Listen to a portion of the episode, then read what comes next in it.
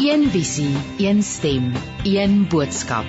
Radiokansel 657 AM en 729 Kaapse Kansel maak impak op lewens van Gauteng tot in die Kaap. Goeiemôre en baie baie welkom by met hart en siel. Hoe mooi het Henry Lambregt nou vir ons brood van die hemel gesing nie. Ag, dis 'n pragtige sonskyn dag hier in my deel van die wêreld en ek hoop dit gaan goed met jou en en dat hierdie einde van die jaar nie te oorweldigend is nie, dat jy nie te besig is het jy reeds begin afskakel het en en en ja, die Here se goedheid geniet. Ek lees vir ons uit Psalm 106 vers 1 wat sê: Prys die Here, hy is goed. Sy goedheid hou net aan en aan vir altyd. Wie op aarde het ooit genoeg woorde om te sê hoe groot en sterk die Here is? Wie kan sy naam genoeg loof? Jy luister na met hart en siel. Ek is Christine Ferreira en op vandag kuier ons soos ouer gewoonte saam tot 11uur en jy het gehoor Radio Kansel 657 AM en Kaapse Kansel 729 AM. Nou vandag gesels ek met Jolandi van der Walt oor pelgrims oor die pelgrimstog van hoop 'n plaaslike Camino staptog in die Suid-Kaap. Ehm um, Skalk Skoombie gaan vir ons idees gee waarna om te kyk as dit kom by flieks. Ehm um, ons is die vakansie is op ons en ja, wa waarna kan ons hierdie kyk uh, waarna kan ons kyk hierdie vakansie wat voorlê. En dan gaan sielkundige dokter Truida Botha met ons gesels oor die dinge wat moontlik ons emosionele vrede in die feestyd kan steel en hoe om dit te voorkom. So bly gerus ingeskakel vir sielskos en inspirasie en ek glo ja, as jy wil saamgesels, kan jy vir ons 'n WhatsApp boodskap stuur 082 657 2729. Ons hoor graag van jou. Ek glo ons het nou vir Jolandi op die lyn. Môre Jolandi. Ek is hier en hallo aan die luisteraars. Môre Jolandi, hoe gaan dit daar in die Kaap vanoggend? Dit gaan heerlik. Jong, die winde waai mos hier by ons in die Kaap gewoonlik. So vanoggend is weer vanoggend wat die son skyn. maar as die as die wind by julle waai kry ons reën in die noorde, so ons ons ons hoop julle verduur maar die winter wille van ons almal. Dis maar 'n uitdaging, nê. Ehm Jolandi pelgrimstog van hoop. Vertel vir ons 'n ja. bietjie meer. Wat is dit? Wat behels hierdie pelgrimstog van hoop? Ja, Christine, miskien is dit goed dat mense net so vinnig raak aan pelgrimstogte oor die algemeen voor ons nou hier in Suid-Afrika ja. kom rondstap. Ehm um, jy weet 'n pelgrimstog is eintlik 'n unieke geestelike dissipline, né? Dit kom uit die antieke tye. So hierdie togte is is 'n eeuoue gewoonte van Christene, maar uit alle verskillende tradisies. Natuurlik meer die Rooms-Katolieke Kerk as jy na Europa toe gaan, maar wêreldwyd is alle Christelike tradisies het dit begin doen. So ek dink as ons net so vinnig teruggaan, jy weet Jesus self was in sy lewe net so 5 of 6 keer in Jerusalem en elke keer tydens 'n pelgrimstog om na 'n Joodse fees te gaan. So Jesus self het pelgrimstogte aan ons begin bekendstel. En alhoewel daar deurgaans Christene oor 2000 jaar gestap het, is dit maar die laaste so wat 70, 50 jaar wat die gewildheid begin toeneem het. So 'n pelgrimstog, dit is belangrik om hierdie te verstaan, is nie net 'n gewone staptog nie, né? Jy weet jy ehm um, jy, jy kan natuurlik die Here oral ontmoet. Jy het nou so mooi oor vakansie en feestyd gepraat en in in ons Suid-Afrika tradisie is dit die tyd wat ons bietjie nader aan die Here kom en hom gaan soek. En ja, jy kan op die strand gaan stap en as jy hom soek, gaan jy hom kry. Maar 'n pelgrimstog volg eintlik 'n spesifieke roete. So, alle pelgrimstogte, né, is ook staptogte. Maar nie alle staptogte is pelgrimsroetes nie of pelgrimstogte nie. Dit moet mens mooi verstaan. ja, en jy weet jou jy moet verstaan dat dit 'n spesifieke roete volg. Dit is belangrik dat jy iewers heen stap. Daar's 'n eindpunt, daar's 'n kilometer nul. Dis so 'n kopding. Jy lê 'n afstand af. Jy weet as ek nou van Johannesburg Pretoria toe ry, gaan ek 30 km ry en ek begin by 0 en ek eindig by 30. 'n Pelgrimstog begin jy by 30 of 300 of 900 en jy stap om by 0 uit te kom. So, die groot kaminas van die wêreld, die die bekendstes in Spanje, Portugal, hulle stap na die kathedraal in Santiago, dis die kilometer 0. die Via Francesina stap na die Vatikaanstad en Christine, nou het ons die pelgrimstog van hoop na die suidpunt van Afrika in die ligtoring by Agulhas. Hy is ons kilometer 0. Weet jy, ek is uit ek is in hoendervleis uitgeslaan. Ek ek dit ek wat 'n wonderlike wonderlike ding om ons eie pelgrimstog met ons eie kilometer 0 en natuurlik dan ja. by Agulhas se vuurtoring. Ja. Ja. ja om Engels te gebruik significant is dit nie om na die suidpunt van ja. Afrika te stap, né? ja. Ja. Wat sê dan?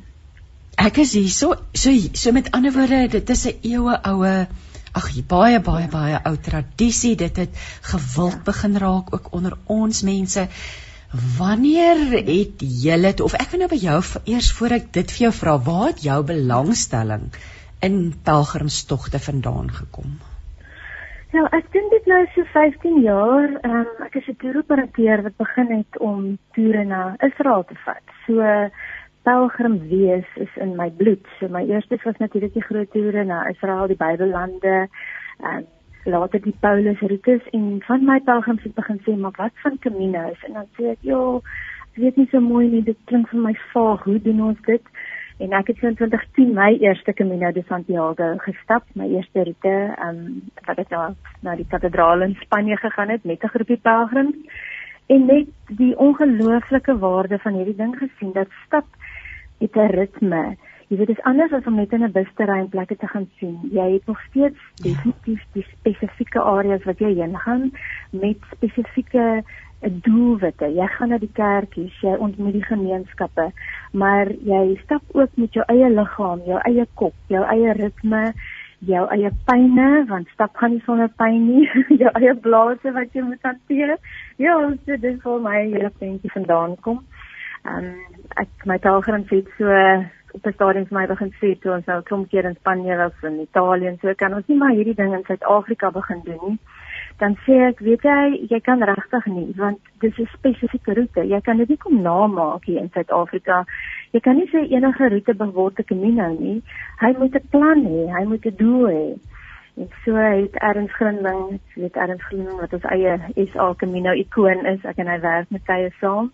Het hy vir my eendag in 2019 vertel van die pelgrimstog van hoop. Um sy storie was daar's 'n nuwe roete Jolande dat ons gaan deur die Boland en die Oeverberg want hierdie dele hy sê die oudste kerke in ons Christen geskiedenis en daai het dadelik met my begin praat. Daar's 'n rede daar's 'n doel. Dis nie net 'n stap nie. Ons kan nie net so 'n stap in 'n sirkel en ons doen 'n camino nie. Daar's 'n regte plek waar jy ons gaan. Ja en dis hoe my betrokkeheid by die pelgrimstog van oop begin het Kom ons praat 'n bietjie oor hoe ja, ek het so baie vrae vir jou. Ek dink ons luisteraars is net so nuuskierig. Ek wil nou ons weet nou waar die idee ontstaan het erns het toe betrokke en julle toe betrokke begin raak. Die titel, hoekom het julle op hierdie titel besluit Pelgrimstog van Hoop? Okay, so kom ek sê eers vir jou so ehm um, die die beskermheer van die Pelgrimstog van Hoop is Communitas ehm um, in Stellenbosch. En Frederik Marie wat betrokke is by Communitas, hy het so hele 10 jaar gelede het hy een van die groot Communitas gestap. Ek dink hy het van St. John af gestap die die 800 km van die Camino de Santiago. En hy het teruggekom Suid-Afrika toe en kom sê, is dit nie moontlik dat dit met Communitas gepraat het dat ons so 'n roete in ons eie land doen nie. Ehm um, vir verskillende redes. Een dat Suid-Afrikaners het 'n behoefte begin kry om dit ook te begin stap. Jy weet, en dis vir ons duur om Europa toe te gaan.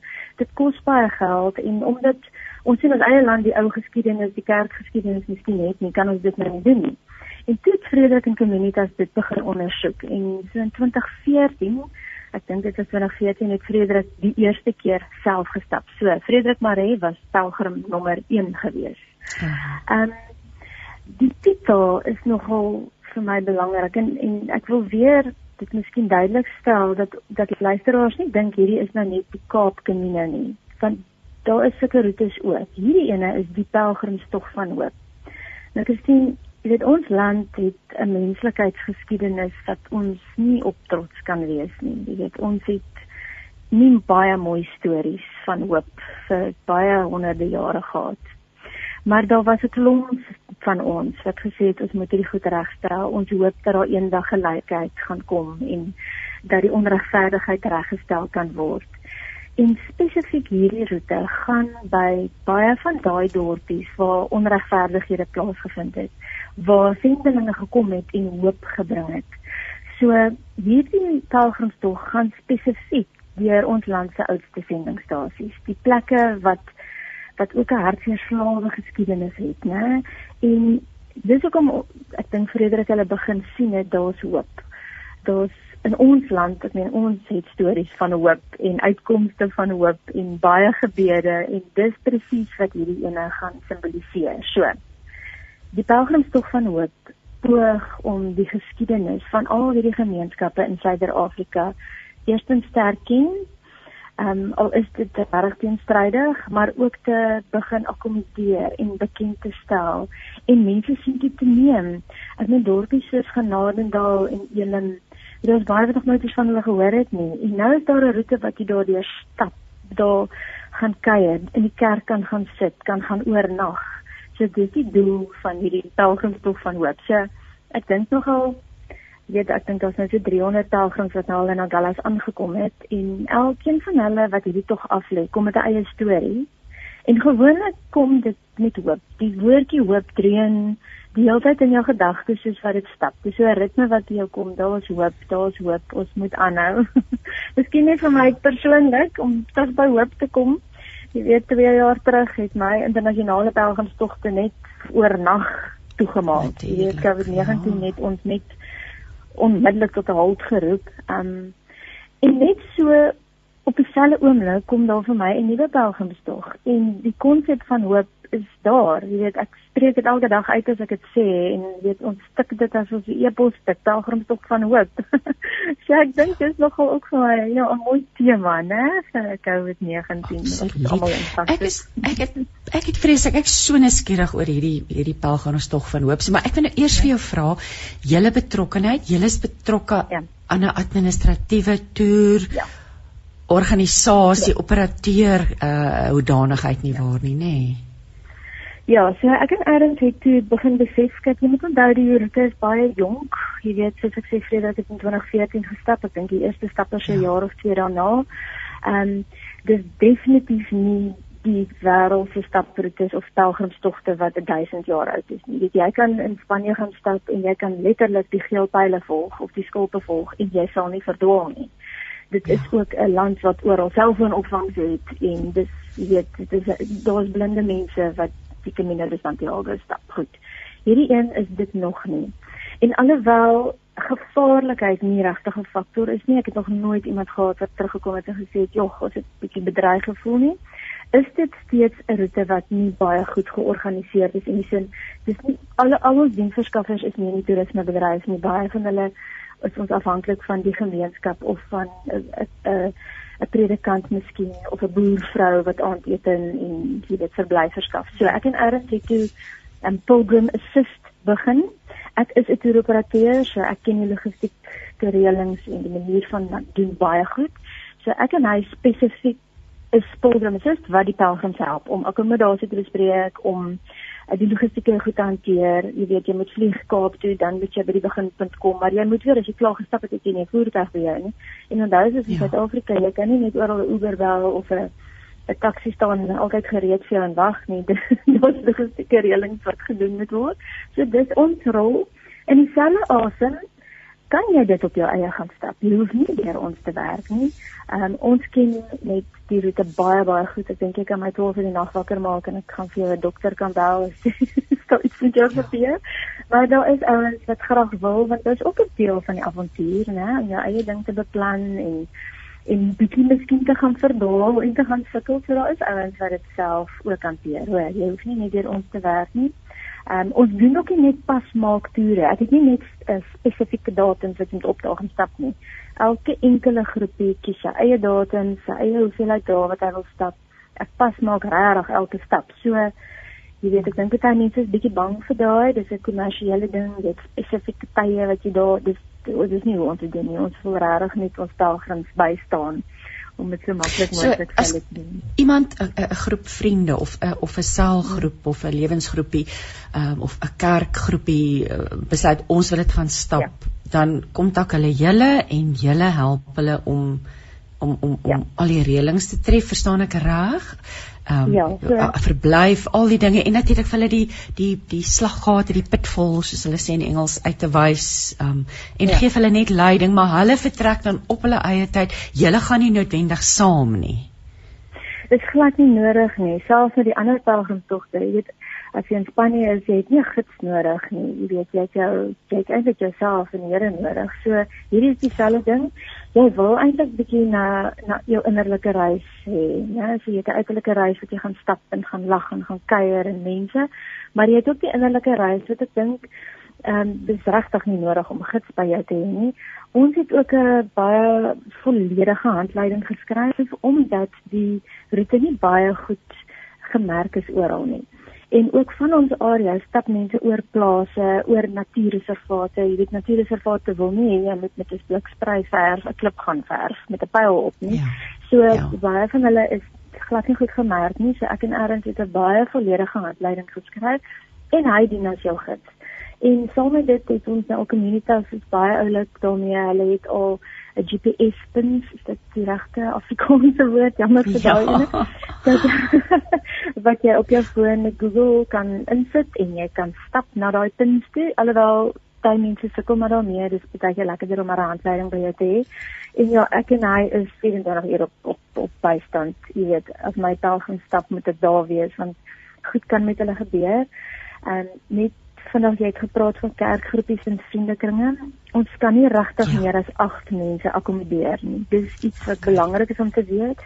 Sekere van die akkommodasieplekke is regtig 'n boervrou se ekstra huis met 8 beddens in. Um baie plekke is 'n plaas met 4 cottages wat net 8 beddens het. So dis ons absolute maksimum. Um minimum wil ons net baie graag hê mense moet minder as 2 wees nie. En dit gaan daaroor dat as daar iets gebeur en daar is dalk nie selfoonopvangs nie, het jy iemand naby jou. Een kan bly by die persoon en die ander een kan gou gaan hulp kry of 'n selfoonopvang soek. So, en weer eens jy jy as dit is lyn Suid-Afrika is almal maar versigtig um, uit nature uit, né? Ons moet nie onnodige kansse ja. vat nie.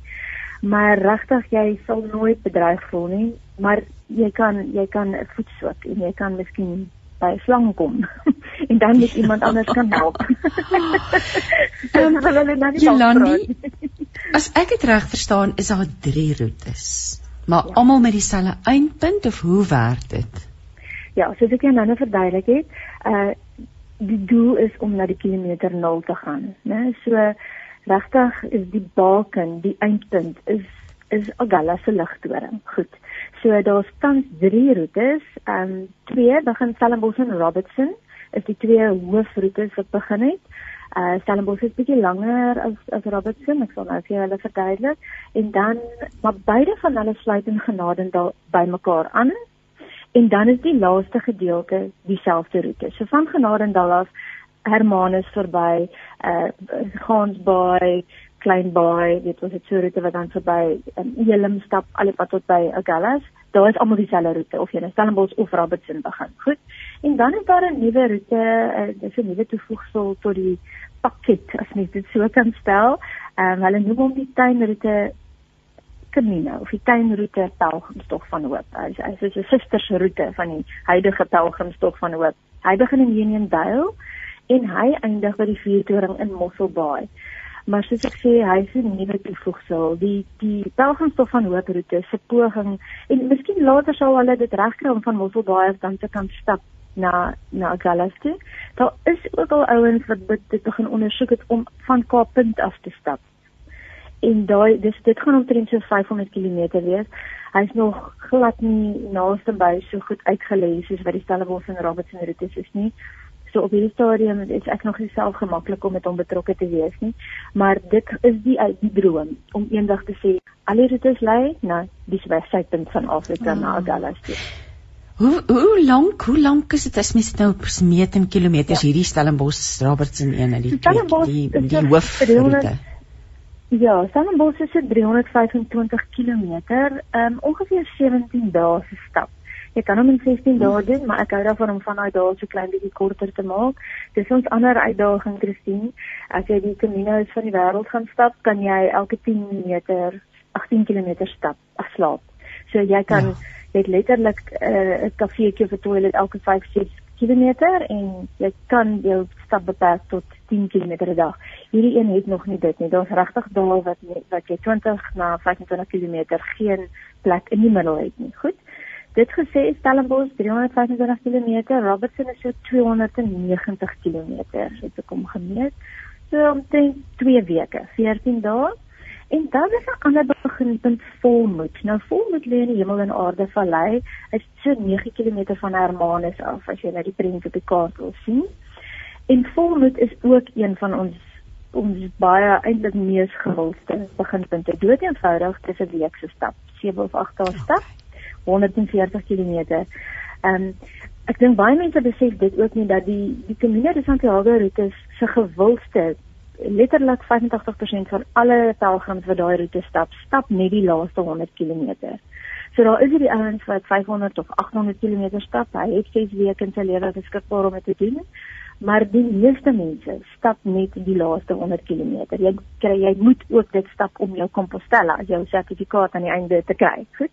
Ons het dieselfde gedoen by hierdie want baie mense het regtig 'n hele maand om te stap, né? So volmoed is dan 140 km en so 'n week se stap as dit jou kan antwoord.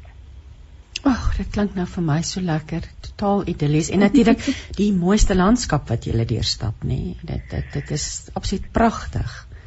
Ja, dis presies dit wat my so aangegryp het dat daar's nie net jy stap nie net in een natuurreservaat wat min of meer elke dag dieselfde is nie hierdie roete doen wat die wêreld se pelgrimsroetes doen. Hy stap van dorpie na dorpie, né? Kyk, die beginsel is van 'n pelgrimstog uh, dat hy stap eintlik van kerk na kerk, né? So jy sal jy sal stap van kerkplein na kerkplein, dis waar die afstand ook gemeet word.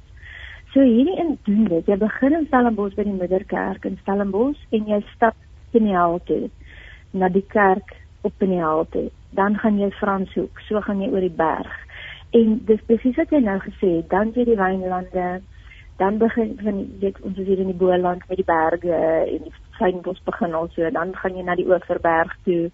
Later kom jy in die strandveld aan. Jy weet daar's kusstappe, daar's twee spesifieke dae wat jy op die kus stap So mense moet maar voorberei wees. Ek en jy moet dalk nou nou daaroor praat. Ja. ek ek wil nou vir jou vra, so jy mense dan ja. dis berg op berg af kus langs. Hoe fiks spoor te mense te wees? Hoe gesond en fiks moet 'n mens wees om hieraan te kan deelneem? Ek sien jy moet fiks wees. Jy moet okay. voorberei wees. Ehm um, hy is in moeilikheidsgraad moeiliker as die wêreld se kaminos en daar's verskillende roetes natuurlik. Jy weet ehm um, daar's daar's in Spanje ook areas wat bergagtig baie moeilik is. Maar hierdie een is regtig om jou ervaring so goed moontlik te maak, moet jy voorberei wees. So ehm um, ek weet dit is moeilik vir ouens wat in die Vrystaat is of in selfs in Gauteng jy weet hulle het soveel berge soos wat ons het as ons wil oefen of jy het nie die strand om die sand gewoon te raak nie. Maar ek gee vir julle 'n baie goeie um, oefenprogram. Ek het saam met 'n biokinetikus 'n oefenprogram uitgewerk. Hy so 12 weke. En dis riglyne regtig dis min of meer net om jou kop te laat begin verstaan hoe ver is 20 km 'n dag. Jy moet jy moet probeer om iewers ten minste 3 dae in 'n ry daai 15 20 km te stap dat jou kop kan fiks raak, né? En ek gee ook 'n baie goeie wat om te pak lys. My wat om te pak lys is omtrent al 5 bladsye lank want elke stap tog kry ons nuwe tips van mense. Um maar daai help jou ook om te weet wat om te pak. Net miskien vir ouens wat daaroor wonder, ons vervoer ook julle bagasie. Um jy hoef nie, daar is altyd pelgrims wat voel hulle wil so min moontlik vat en hulle wil sy eie tas dra. Natuurlik is jy meer as welkom maar ek het ook al baie lekker goed in in plek tak taksies wat my help en boere wat my help bagasie vervoer. So jy dra net jou ligte dagsak met genoeg water, 'n eetdingetjie, 'n hoed, sonskermbril, selfoon saam met jou. Jolani, hierdie is so innoverend. Weet jy, ek wil my hoed vir jou afhaal en ek weet ons gaan nou net praat oor die rooi hoede, maar ja. dit is so innoverend dat jy en erns, want dit is dis 'n uitdaging klink vir my gewees van die begin af om hierdie ding aan mekaar te sit om dit te te volhoubaar, jy weet volhoubaar reg in aan die gang te hou. En dit vir my so saam met as jy mens kies om 'n camino te stap, dis nie sommer net gaan stap nie. Daar dit hang hak net weer aan by daar's iets geestelik, daar's 'n dieper ja. rede hoekom jy mense dit gaan doen, nê? Nee. Ja, dit dit bly eerstens 'n um, geestelike reis, 'n soeke na iets. En ek dink, jy weet, as ek nou my my pelgrims oor die laaste 10 jaar vat 50% van hulle het nie 'n doel nie. Hulle gaan vir die pret en saam met die vriende en om te gaan kuier en so. Ja. Daar's altyd die ouens wat met iets gaan aflê en daar was 'n egskeiding of daar was iemand wat begrawe is of so natuurlik is dit dit en dis 'n doel waarmee jy gaan maar selfs die ouens wat nie vir dit gaan nie jy jy kan nie anders as om by hierdie plekkies aan te gaan en nie ontmoetings met die Here en nie 'n bewusmaking wat wat ek weet my man het eendag ons het die Portugese roete gestap en hy na so dag 4 toe sê hy maar hy dit voel vir hom hierdie paadjies is oopgebid. Hier's 'n vrede wat hy nie mooi verstaan nie. en toe sê ek maar ek dink 'n duisend jaar se gebede op paaie gaan hulle begin oopbreek. Daar gaan 'n ander vrede begin kom. So ek dink maak nie saak wat jou rede is wat jy gaan nie, jy gaan definitief ontmoetings hê. Ehm um, ek moet ook sê dat dat Communitas het regtig 'n groot rol gespeel om die roete reg uit te werk. Jy weet die sendingstasies wat ons by verbygaan is die oudstes in die land. Ek weet nie of jy al ooit op Genadendal was nie. Maar Genadendal nee, tot my skaamte was ek nog nie en dit ja. dit, dit ek sou so graag dit ja wil ja, sien. Wat 'n besondere so, plek. Ek dalk 'n bietjie meer. Ek is dalk nie die enigste persoon wat nog nie daar was nie. Ja, um, wel ek bly in die Kaap en ek was nog nooit in Genadendal of in Elim voor ek hierdie pelgrimstog begin doen het nie. So Genadendal is die eerste sendingstasie in die land. Ehm um, is 'n ou met die naam George Smith. Hy was 'n Duitse sendeling van die Morawiese Kerk en hy het 'n sendingstasie in Suid-Afrika kom vestig in 1738 al, né? Het hy die evangelie hier onder die destydse koei mense kom begin verkondig. En vandag nog is daar 'n pragtige historiese kerkwerf. Dit daar is 'n museum met die wonderlikste orgel en instrumente versameling wat jy jy kan nie glo wat jy kry daar in genade daarmee. Pragtige ou kerk, daar's 'n mooi waterwiel. Daar's 'n hele museumwerf area wat jy kan sien hoe die mense gelewe het in daardie tyd. Um, en dan Elim. Elim is die ander Morawiese sending ehm um, vesting, sending gemeenskap gewees. Hy is in om rondom 1824 is hy gestig. Selfs toe hy pragtige Morawiese kerk met 'n kerkwerf, daar's 'n Bybeltuin waar jy kan gaan tyd spandeer, daar's 'n labirint. Uh, daar's 'n baie ehm um, treffende Morawiese begrafplaas. Ek gaan nie te veel geheim, maar jy moet dit self gaan beleef om te kan sien wat maak 'n Morawiese begrafplaas anders. En dan natuurlik as jy van Stellenbosch af stap, um, gaan jy by Penjel aan. En Penjel is is een van die Morawiese gemeentes gewees, nee. Hy was ek het hulle praat van United Congregational Church. Ek weet regtig nie hulle sê 'n kongregasionele kerk, ek weet nie dit klink vir my heeltemal reg nie.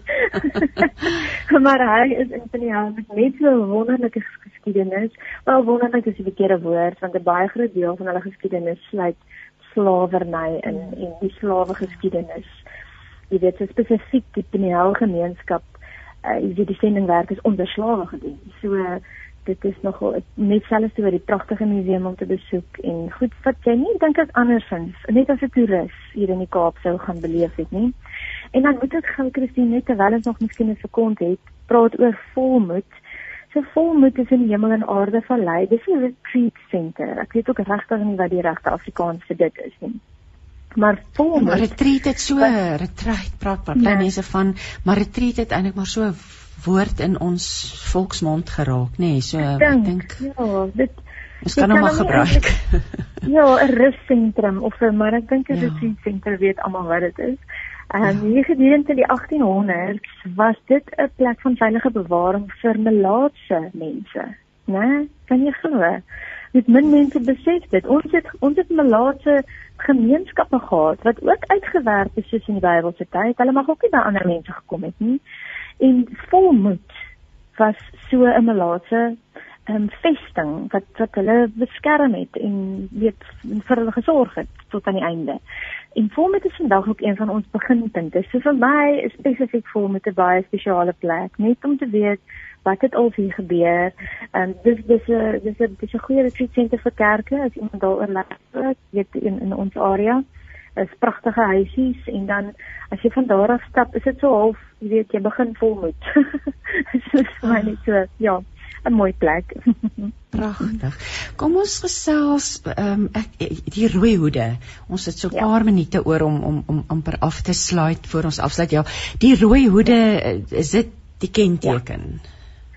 Goed, so die rooi hoede self het 'n mooi storie. Alle pelgrimstogte het mense met wonderlike stories. Die rooi hoed storie self 'n baie mooi storie. So Frederik die eerste keer dat hy gaan stap het, het hy nie hoed gehad. Toe gryp hy sommer sy dogter se rooi lewensreddingshoed en hy gaan stap met die hoed.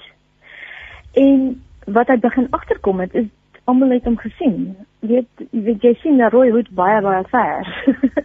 en toe hulle met die konsep gekom pelgrims met 'n rooi hoed by hulle. So ons idee rondom dit is in eerste plek dat dat mense die pelgrims begin herken, né? Ek meen dis ja. nog nie soos in Spanje dat jy weet almal ken 'n pelgrim en help 'n pelgrim en hou van pelgrims. Hierso is dit 'n bietjie snaaks, as 'n boer sien daar stap 'n groepie mense oor sy plaas. jy weet wie is hulle? ja, maar as hulle elkeen 'n rooi hoed op het, dan weet die boer dis die pelgrims wat daar stap. So, dis die storie van die rooi hoed. Dit is 'n regtig lekker hoed. Jy weet, um, as jy registreer, so as jy pelgrims toe gaan stap, kry jy 'n rooi hoed. Dis deel van jou registrasies. Um, jy bespreek by ons, ons doen jou registrasies, jy kry 'n rooi hoed, jy kry ook 'n pelgrimspaspoort, net soos by die ander um, pelgrimstogte van die wêreld waar jy stempeltjies versamel in Spanje, ehm um, as ek miskien vir 'n sekonde dit kan verduidelik, moet jy bewys as jy in Santiago aankom, moet jy bewys jy het regtig die roete gestap, né? Jy jy jy jou sondes gaan vergewe word, maar jy moet dit regtig waar gestap het. Mm. as ek nou tongenietjies kan praat. Um, en jy moet bewys dat jy dit gedoen het. So jy moet elke dag twee stempeltjies versamel. So ons het dieselfde ehm um, paspoortjie hier geïmplementeer en eintlik die doel van dit is nie om jou net te sê jy gaan jou sertifikaat kry as jy gestap het of nie. So dit gaan nie eintlik ja, of nie nie gestap het of nie of jy jou stempels wys of nie want dit het nog nie so baie plekke wat stempels gee nie. Ja. Maar dit maak dat daai diensverskaffers 'n stempeltjie het en hy wil die pelgrims in sy winkeltjie inbring. Hy wil hy wil hê hulle moet agt koffies kom koop of agt middagetes of so. So hy het 'n stempel, die pelgrims wil 'n stempel hê en dit dit vorm 'n sinergie, né? As jy daai plannetjie van ons kan sien. En dan ja, aan die eindpunt kry mense ook 'n pelgrim sertifikaat. So ons het vir Francisca Andrag Meyer as predikant op in Akallas op Strysbaai.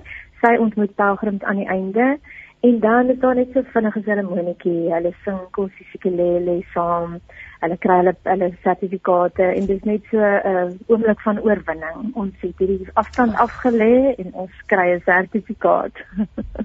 Ag, weer eens te hoendervleis. Dit klink absoluut wonderlik. Dit is ek is seker daar's mense wat nou uh, wonder waar kan 'n mens bespreek? Waar kan hulle meer te wete kom? Het jy vir ons kontak detail asseblief ja. Jolandi? Mense kan my sommer direk kontak. Ehm um, ek is my e-pos is baie maklik. Ek is Jolandi I O L A N D I met 'n kolletjie i. Jolandi at stapdicamino. Daai een gaan hulle onthou. Jolandi at stapdicamino.co.za.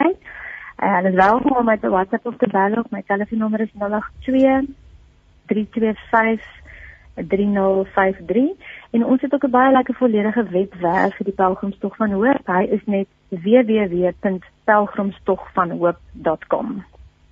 So, my besonderhede is nou, op, op die webwerf. Ekskuus tog. Ek ek wil nou ek wil nou vir jou vra, so hoe lank voor die tyd beplan mense gewoonlik as hulle nou graag volgende jaar wil stap, boonbehalwe die 12 weke oefenprogram, hoe lank voor ja. die tyd moet 'n mens bespreek? Weet jy sommige van ons plekke is regtig ook ehm um, toerisme attraksies jy weet daar's baie van hulle wat wat wat byvoorbeeld Rusty Gate as jy van Stellenbosch af kom is is 'n bergvesting of 'n bergske berghutte en baie gewild. So ons wat ek gewoonlik doen is soos ek weet mense wil 'n roete stap begin ek by die ouens met nou die meeste sukkel jy weet om plek te kry. Ja. week ja. is natuurlik beter jy weet om sekere plekke te kry. So ek begin by 'n ankerdatum en ek werk rondom hom uit. So maar regtig ek sal vir mense vra probeer ten minste 3 maande of regtig nog langer, 6 maande vir die tyd te doen.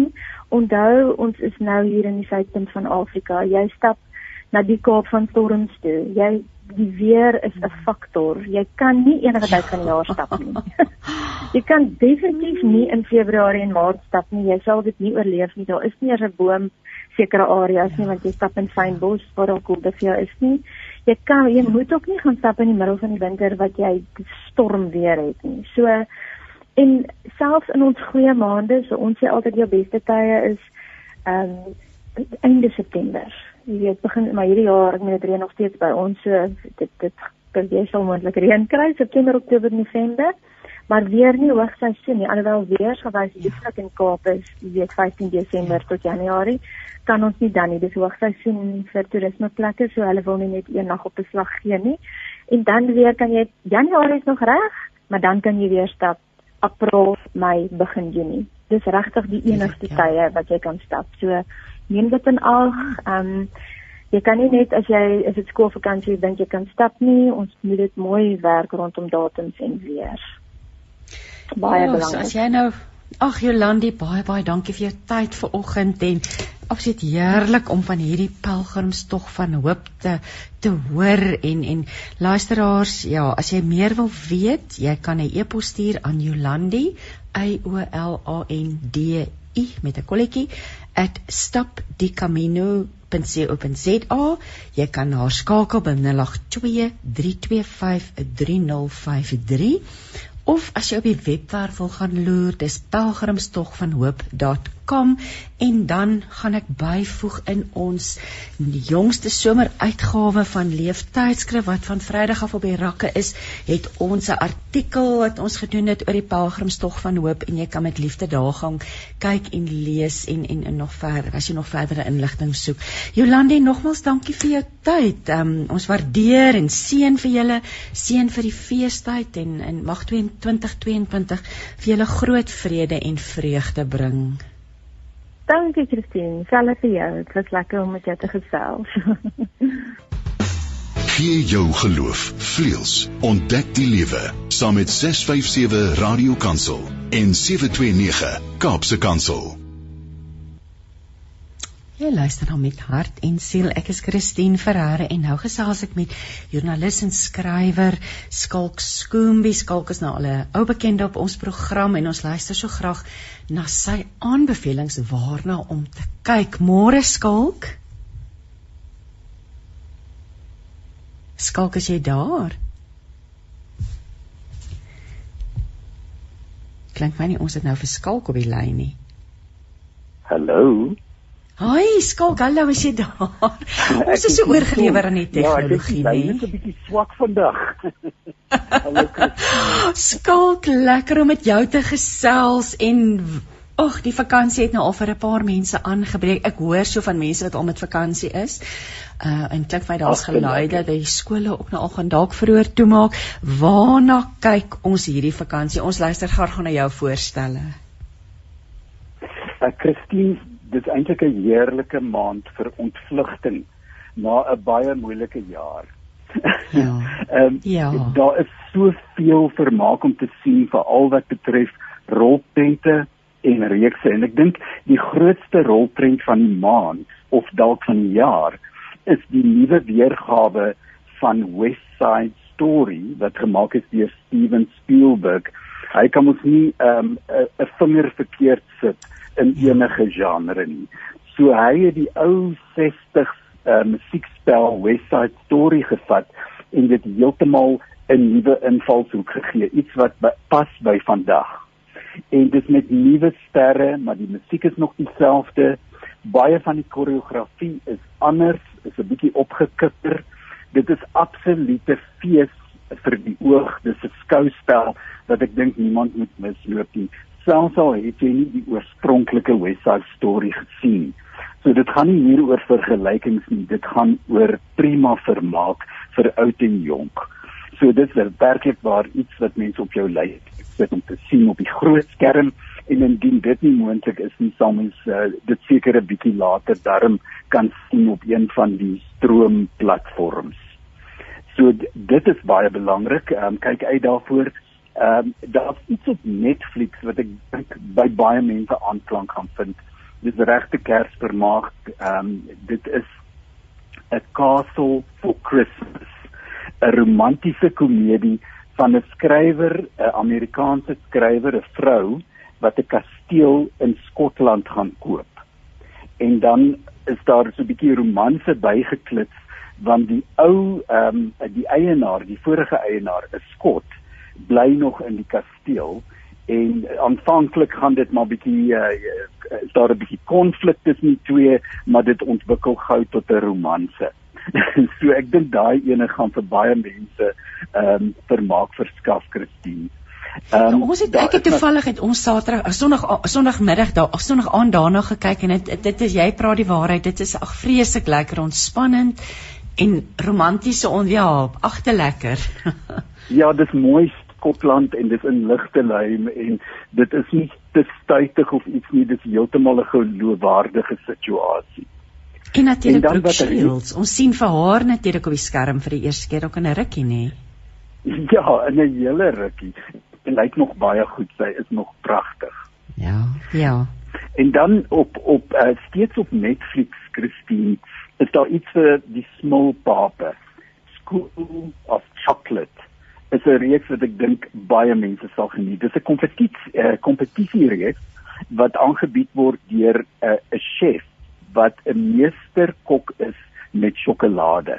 Hy skep die ongelooflikste goed met sjokolade alles van ehm um, soldate, fantasiefigure, arende. Dit lyk so realisties, maar dit is alles sjokolade en jy kan dit eet. En dan is daar 'n klomp mededingers wat wat mekaar teen mekaar meeding om die mooiste sjokolade skepings te maak. En dit is natuurlik vir 'n gro groot geldprys ook. So hier is iets wat um, op baie vlakke werk. Dit herinner so bietjie aan um, MasterChef Australia en al daai kompetisiereekse oor kos, maar dit het 'n baie unieke invalshoek met die sjokolade. So dit is vir mense wat met met soettand ook en hoe pas dit tog vir Kersfees. ja.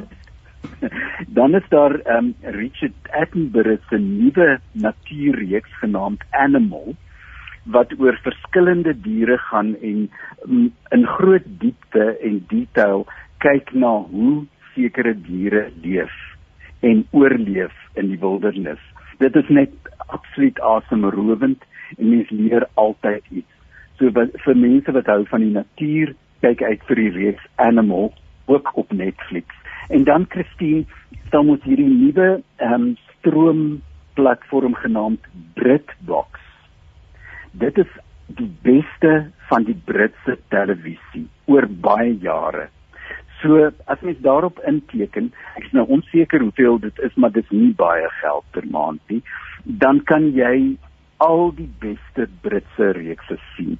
Uh iets waarna ons byvoorbeeld op die oomblik kyk is 'n komedie, 'n Britse komedie genaamd Keeping Up Appearances ek kan dit ten sterkste aanbeveel as jy dit nog nie gesien het nie dit is skreeu snaaks dit gaan nou met dis mos met Hyacinth is dit met Hyacinth daai. Hyacinth Hyacinth uh, uh, bucket. Maar eintlik skryf sy dit uit bouquet. Ja. want sy dit is kosbaar daai reeks. sy nie is nie. Dit is Suid-Afrika ag uh, Brittanje se uh, gewildste uh, TV aktrise oor dekades heen. En sy leef nog. Sy's in haar 90's. en dit dit laat my altyd hardop lag. So as jy ligte vermaak soek, kyk gerus daarna. Maar daar's baie ander goeie goed daar. Die nuwe Line of Duty seisoen is ook daarop as jy hou van 'n speurreeks, die heel beste speurreekse. Op Showmax begin daar 'n Afrikaanse ehm um, romcom 'n soort van 'n sitcom met 'n sterk romantiese invalshoek genaamd Troukoors. Dit begin op 13 Desember en as ek nou so 'n um, klein persoonlike dingetjie kan sê, my eie seun speel ook daarin. Hy het ook 'n rol in hierdie romantiese komedie wat eintlik fokus op drie meisies en al hulle romantiese avonture. Dit is net 'n halfuur lank of bietjie korter as 'n halfuur En uh, ja, dit beloof om iets te wees wat wat mense oor gaan praat en gaan ehm uh, wat sê hulle binge kyk. en dan 'n laaste reeks wat ek wil aanbeveel is iets waaroor mense praat. Die reeks se naam is Made en dit is gebaseer op 'n ware verhaal van 'n vrou wat baie swaar gekry het in Amerika. Ehm um, sy het 'n dit sy's 'n enkel ma met 'n kind wat ehm um, weggevlug het van 'n kerel wat haar sleg behandel het en toe het sy letterlik onder begin en ryk mense se huise skoon gemaak en hulle toilette geskrob en so aan. En dit is maar net al haar wel en wee en avonture en hoe, hoe swaar dit gegaan het, maar daar's heelwat ligpunte en dinge om oor te lag ook, maar dit gee mense nogal baie perspektief mense wat swaar kry ook in hierdie tyd. Ek dink dit is ook belangrik, uh, Christine. Ja.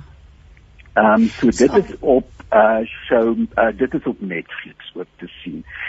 En dan wil ek baie graag ehm um, enkele boek aanbeveel. Ehm uh, hierdie is 'n goeie geskenk of iets wat jy vir jouself kan koop om jouself te bederf. Dis Mar Marzan Leroux van der Boon se Israel reeks Omnibus 2 wat twee romans in het. Ehm um, dit ek dink my uitspraak is reg Shomer Israel beskermer van Israel is die eerste een se naam die tweede een se naam is ehm um, Tifret ek dink dit is Tiferet Israel ja ja ja. Die roem van Israel. En dit is lieflik uitgegee Christine. Ehm um, haar boeke het sy eie gevolg natuurlik maar dit lees maklik. As jy dit nog nie ontdek het nie is dit uh, is dit werklik die moeite werd en dit sal jou gees in hierdie seisoen vul met lig en vreugde en hoop en ons het dit almal nodig met hierdie pandemie wat net nie ophou nie. so daar is my ander Skus tog skaak jou oor die oor die Joodse leefstyl, né? Sy skryf nogal baie mos in diepte daaroor ook in haar in haar boeke. Ja, so, die dis, tradisies, ja. dit is fascinerend. Dit is fascinerend as mens meer wil weet daarvan en dit raak natuurlik nou so moeilik om Israel te besoek en ek het ja. ek sien juis hierdie week dat Tel Aviv is nou die duurste stad in die wêreld om te besoek. Ja. So ja, dit is miskien nie um, binne bereik vir ons reisigers op die oomblik nie want ons is ook op rooi lyste geplaas en so ehm um, met reisverbod. So ehm um, hier is een manier om te reis na Israel is met Marwan se se nuwe boek. En dit is van my kant af Christine my aanbevelings 'n bietjie iets om te kyk en iets om te lees. Skalk mense sê altyd daar's so baie en ek dink ons beleef dit almal as jy nou um, Netflix en DStv en al hierdie dinge het. Daar's so baie om te kyk. Jy weet nie wat om te kies ja. nie. So dis altyd kosbaar om om om met iemand te gesels wat 'n kenner is en ons weet ons kan jou oordeel vertrou. So skalk wie nie net vinnig die name van die reekse net en en en die enkel flieks net vir ons weer herhaal nie asseblief net so ter wille van ons luisteraars. Absoluut, absoluut. So die groot fliek van die maand wat vrygestel word is West Side Story.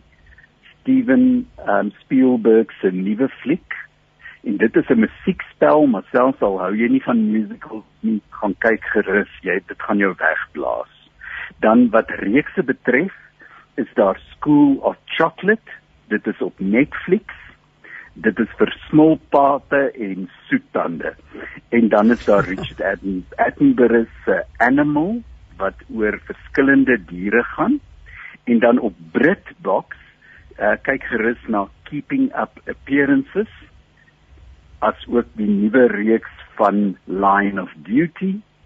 En dan op Showmax is daar Troukoors met 'n heel paar uh, bekende Afrikaanse gesigte, maar ook nuwe talent. Dit is 'n romcom, 'n romantiese komedie, 'n reeks. En dan is daar Made op Netflix wat gaan oor die vrou met haar um, kind wat probeer om te bly oorleef in moeilike tye, maar dit is absoluut ehm, 'n um, blitsbekoper in Amerika. Almal kyk daarna. En dan wat boeke betref, Marzan Leroux van der Boon se Israel reeks Omnibus 2. So, ag, skalk, hoe wil ek nou iewes skielik vir jou Jacques noem? Ons gesels altyd so baie. Skalk en en jou planne gaan julle 'n bietjie weg, gaan julle 'n bietjie Vrystaat toe.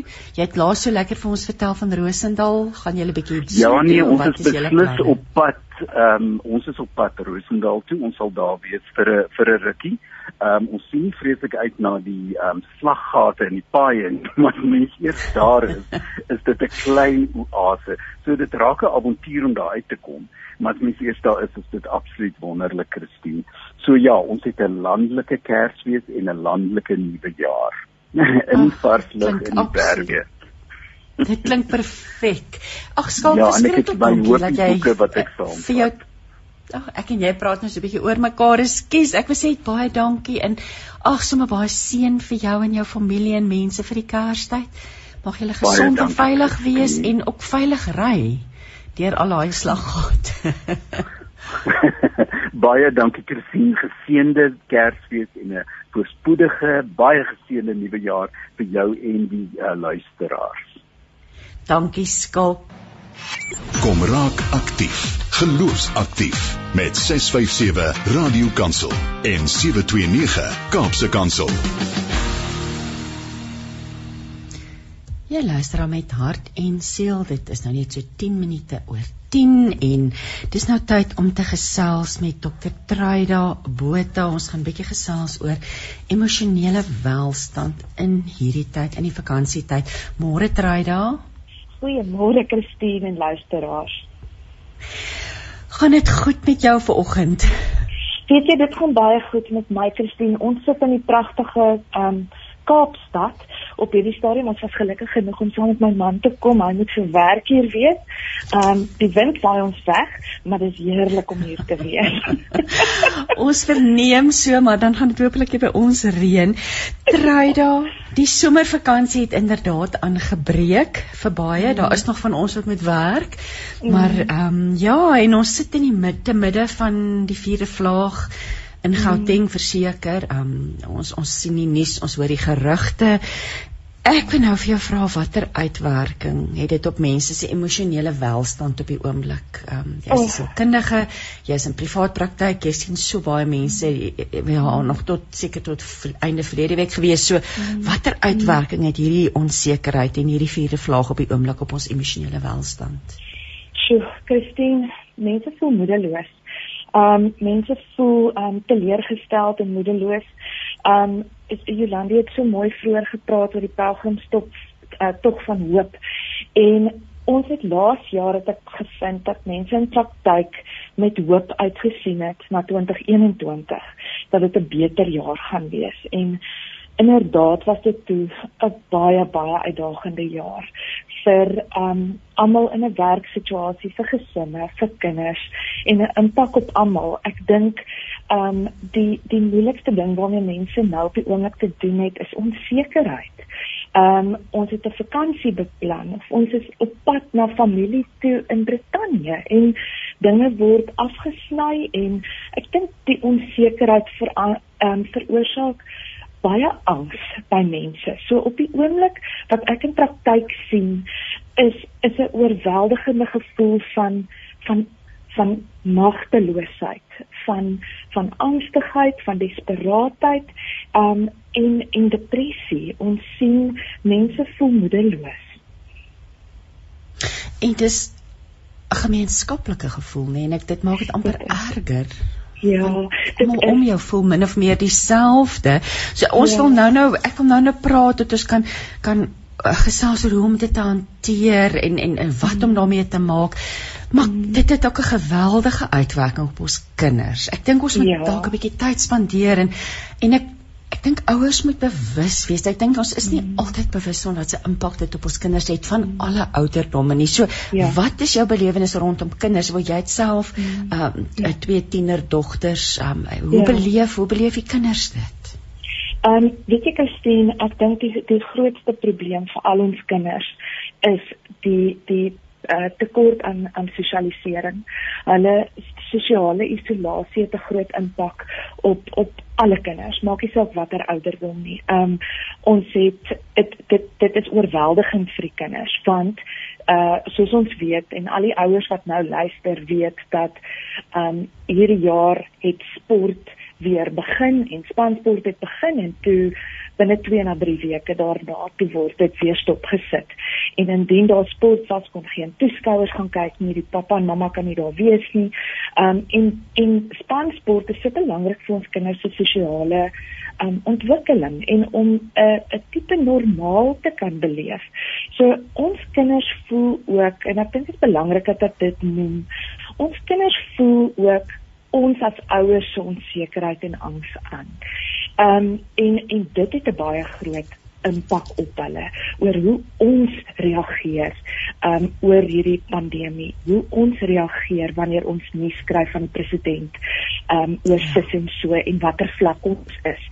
En daarom dink ek plaas 'n verskriklike groot verantwoordelikheid op ons as ouers oor oor hoe ons praat oor dinge wat nou in ons in in ons land en in die wêreld gebeur en hoe dit um watter invloed dit op ons het. Um kinders byvoorbeeld wat wat angs dra oor dat pa wat wat openlik gesels oor ek weet nie of ek 'n bonus gaan kry hierdie jaar nie. Ek weet nie of ek 'n verhoging volgende jaar gaan hê nie. Um en daai goed is kinders is emosioneel nie in staat om sulke inligting te kan verwerk nie. So ons kinders, ek moet sê my my hart gaan uit na ons kinders toe. Ehm um, wat wat wat regtig waar ook maar met hulle eie angstigheid en onsekerheid moet omgaan. So ons moet verskriklik mooi na ons kids kyk en en en en kyk hoe hoe ons hulle kan ondersteun in 'n tyd wat vir hulle baie uitdagend is. Ja, en dan sit die dilemma jy moet dit na jouself ook omsien. So dit ja. is so 'n uh, balanseer ja. toertjie. Jy het nou nou verwys na die sport wat toe begin het en weer opgehou het. Ek mm. dink nou byvoorbeeld aan die jaar eind die konserte, die ja. die Kersmusiekaande, die die goed het eintlik so 'n mm. tradisioneel deel van ons lewens was of is en wat ja. dalk nou nie gebeur het nie, maar ek wil nou vir jou vra is hierdie hoe stremmend is hierdie op die ontwikkeling van kinders, veral kleiner kindertjies want ek het gou iemand het 'n kommentaar in 'n gesprek ge, gemaak wat gesê het ons het 'n neefie of iemand gesien hy hmm. skool toe en ons het hom weer 'n jaar later gesien en hy het nie hmm. groot hy het nie vir ons groot geword nie ons ja. het nie hy hy's nog 'n ou kleintjie so ja. wa, hoe stremmend is hierdie situasie op hulle hmm. op hulle ontwikkeling Ek dink as ons na ontwikkeling kyk, dan kyk ons nou na ons kindertjies in die kleuterskool en veral fondasiefase. So van graad 0 of graad R tot graad 3 spesifiek. Um het ons definitief merkbaar verskil gesien in ontwikkeling. Want onthou, hierdie kindertjies moet nou kognitief, akademies, um en perseptueel, met ander woorde, oefening my my ruimte wat ek opneem in my spasie en um emosioneel moet hulle ontwikkel. So op alle vlakke. Nou emosionele ontwikkeling gebeur um natuurlik wanneer kinders met ander kinders omgaan. So emosionele ontwikkeling sal daar uh, uh, in die duik daar in die hek in vas. So ons het ons het met emosionele ontwikkeling definitief gesien dat kindertjies nie groot word nie. Um, en dat hulle nie hulle man kan staan nie en dat hulle dat hulle uh sukkel om oorskielik te deel om om hulle om te speel en en gesond te kan saamspeel, reëls te kan volg. Um dan natuurlik uh, gaan my hart uit vir kinders wat basiese leervaardighede moet vas lê graad R en graad 1. Dit is die belangrikste jare vir 'n kind want dit is wanneer fondasies vasgelê word en selfvertroue gebou word. En ons almal, ek is doodseker al die luisteraars, kan vanoggend hulle graad 1 juffrou onthou. Um en watter impak 'n graad 1 juffrou op op 'n kind se lewe het. Nou laas jaar was 'n uh, grootendeels spandeer aanlyn um, met kinders wat nie in die klaskamer was nie. Hierdie jaar het ons kinders bietjie meer tyd in die klaskamer spandeer. Maar weer eens mag nie speel op 'n speelgrond nie. Um sit met hulle eie kosblikkie 1 en 'n half meter van mekaar af. So um jy is 100% reg kinders se ontwikkeling is definitief hierdeur gestrem. Ehm um, omdat dit wat natuurlik is en dit wat in aanhalingstekens normaal is, met ander woorde speel, partytjies hou, ehm um, speelafsprake by maatjies, oorslaapreëlings, ehm um, ensovoorts en gewone liggaamlike um uh, oefening. Soos jou jou jou fisiese oefeningperiodes in in in skool gebeur nie meer nie. En indien dit gebeur word dit individueel aangepak. So so daai groep dinamika is iets waarmee kindertjies dan noodwendig gaan sukkel. Definitief. Ja Kom ons ek ek wil vir jou vra en maar terug by die onsekerheid waarin ons mm. ons op die oomblik bevind. Ek dink enige iemand met planne weet nie wat ja. gaan ja. ons volgende week by die see wees of nie. Ja. Jy weet dit ja. da, dit is so ja. dit het 'n impak op 'n mens se emosies op jou op jou welstand. Hoe kan 'n mens hierdie onsekerheid effektief hanteer want ons moet dit leer hanteer. Dit is deel van ons mm. lewe op die oomblik. Ek dink Christine en dit, dit is so 'n goeie vraag. Ehm um, ek dink as daar een ding is wat ons samelewing geleer het in die afgelope amper 2 jaar, is dat ons gaan in met 'n plan maar ons ons plan is om buigbaar te kan wees en ja, paspoort ja. te kan wees. Dis al wat sekerheid vir ons kan gee. En ek dink van baie van ons het met 'n leerstelling te doen gehad oor die afgelope 18 maande, almal van ons. Die positiewe vir my is dat ons almal in dieselfde bootjie is dit is een ding wat ons almal in gemeen het. Nie een iemand kan sê ons word nie hierdeur geaffekteer nie. Um ek dink as mens is dit altyd vir ons lekker om te leef na 'n spesifieke doel toe of ons tel slaapies na 'n vakansie toe. Ek dink dit is deel van ons natuur, van die menslike natuur, is dat 'n mens uitsien na na vakansies en so. Wat hierdie ons nou dwing is om meer gefokus te wees op hier en nou waar ons ook al onsself nou bevind om vreugde en vrede te beleef in in die huidige oomblik. En dit is 'n uitdaging vir ons almal, want as dit 'n feit is dat ons nie kan weggaan nie, dan is dit 'n feit. Daar's geen manier dat ons rondom dit kan gaan nie, net deur dit. En dan is ja. dit 'n doelbewuste, rasionele besluit wat ons sal moet neem om te sê maar waarmee sit ek nou en hoe kan ek vreugde vind in die nou? Ehm um, hoe kan ons as ons nou in Jan Tuisplaas se karretjie by die huis bly, ehm um, wat gaan ons doen om betekenis te gee aan ons vakansie? Wat gaan ons doen wat dit vir elke lid van die gesin lekker gaan maak, so lekker as wat dit nou maar kan wees? Want ons daar daar's vir ons 'n besluit buite ons beheer geneem oor ons vakansie en ons het nie beheer daaroor nie maar ons het beheer oor oor wat ons nou kan doen om dit vir onsself betekenisvol en lekker te maak. Kom ons gesels oor die sielkundige pandemie want daar word mm. daarna ook verwys.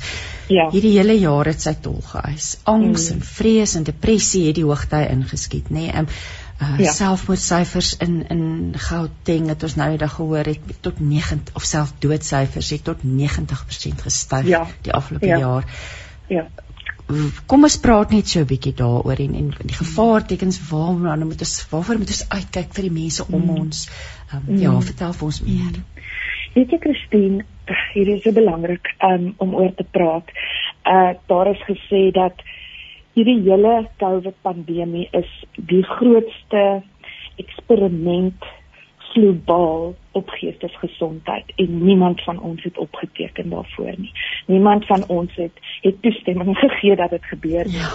Dit is iets wat net ons gebeur. So die geestesgesondheid um, element is onbeskryflik belangrik. Um meer as enigiets anders is om om om te gaan kyk na die sielkundige um effek wat dit op elkeen het nie een persoon beleef hierdie um op dieselfde manier nie. So daar is unieke verwerking van hierdie traumatiese toestand. Ek dink dit is belangrik dat ons dadelik of dat ons ook sê, gewoonlik is ons ons is gewoond daaraan dat as daar 'n traumatiese gebeurtenis is, soos 'n motorongeluk of 'n uh, 'n treteldier wat sterf of 'n egskeiding in 'n huis, dan is dit 'n gebeurtenis en dan is daar 'n tyd daarna wat 'n mens half weer jou nuwe normaal, jou nuwe ekwilibrium kry. En wat ons nou te doen het mee in hierdie pandemie is dat dit 'n staat van trauma is. So dit is 'n dit is 'n elke dag traumatiese belewenis.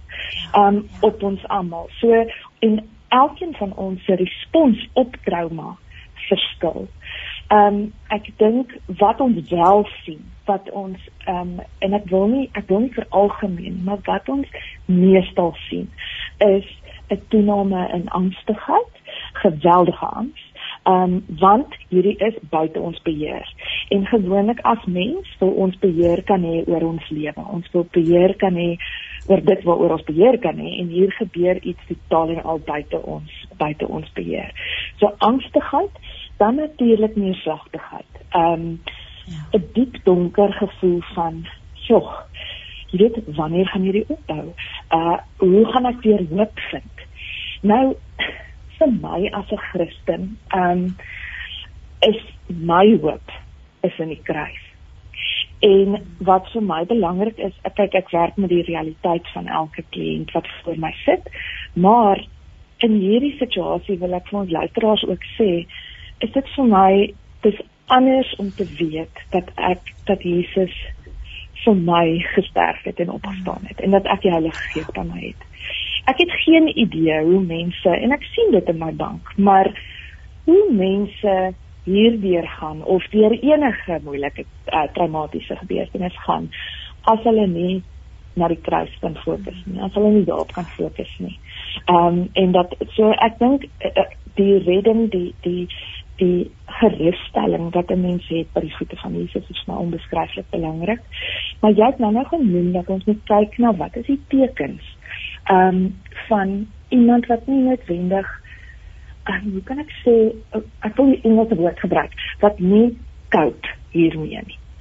Nou ja. daar kan 'n mens kyk na um, 'n mens se lewe op al die op alle vlakke van jou lewe. Met ander woorde, jou werk, jou gesinslewe, jou huwelik, jou vriendskappe, um, en ensovoorts. So as 'n mens voel dat een van daai balle val, is dit heeltemal normaal. Maar as 'n mens as as jy kan raak sien dat jou familielid of jou vriendin of jou vrou of jou man of jou kind um, eenvoudig met die kleinste goed heeltemal gegooi word en nie daarmee kan deel nie. En wat uh hoe kan ek sê om om nie te kan ophou huil nie. Om um so angstig te raak dat dit hulle uh heeltemal heeltemal strem.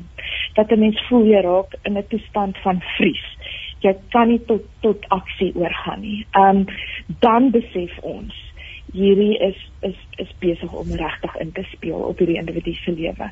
En dan moet 'n mens kyk hoe kan ons hoe kan ons hulp kry? Ehm um, is dit dan miskien by die skool, na die skoolsielkundige toe, as dit in die werksplek is of dit 'n lewens ehm um, 'n coach kan wees en of dit 'n sielkundige is wat 'n mens gaan sien net om 'n ander perspektief te kry ja. oor oor wat kan ons verwag? En ek ek hou nie van die woord normaal nie, maar dat 'n mens kan klank met iemand wat kennis hierin het om te vra weet jy is hierdie normaal in die omstandighede? Hmm. is dit wat ons kan verwag of is dit te? En as dit te is dan is daar baie mense wat kan help. Um, en en 'n mens kan help om om miskien 'n denkpatroon bietjie te skuif. Party mense moet wel medikasie um, oorweeg um, maar dan is dit belangrik dat 'n mens na iemand toe gaan wat kennis hiervan het en en wat 'n mens in die regte rigting kan wys ons WhatsApp sit nou 'n bietjie ek weet nie wat gebeur het jy het nou eers begin deurkom drie skreer ja. sê en dis so eintlik van toepassing op ons gesprek ook vanoggend Dries van Pollaborwa sê Ja, God is ook met ons in die Desember vakansie. Hy vat nie verlof nie. Ons mag nie ons vuurtoring se lig misken nie. Mag God ons ligtoring wees bedags en snags. Vrede vir julle. En dan sê Jacqueline en en en ons ken Jacqueline so oor die radio. Ons het al hier met WhatsApp gesels. Sy haar kinders is tuisskolers. So sy het ja. nie sy dink persoonlik dit was okay haar kinders daar was nie bestreming ja. gewees op hulle nie maar sy sê dis natuurlik jou dis jou ingesteldheid ja. en jou verwysingsraamwerk wat jou reaksie bepaal of jy negatief of positief oor die dinge is en dan soos jy mm. reg gesê het as ons na die Here toe draai Mm. Hy is ons anker, hy is ons vuurtoring, die volmaakte ja. liefde se dryf alle vrees en, en selfsug uit. Ja.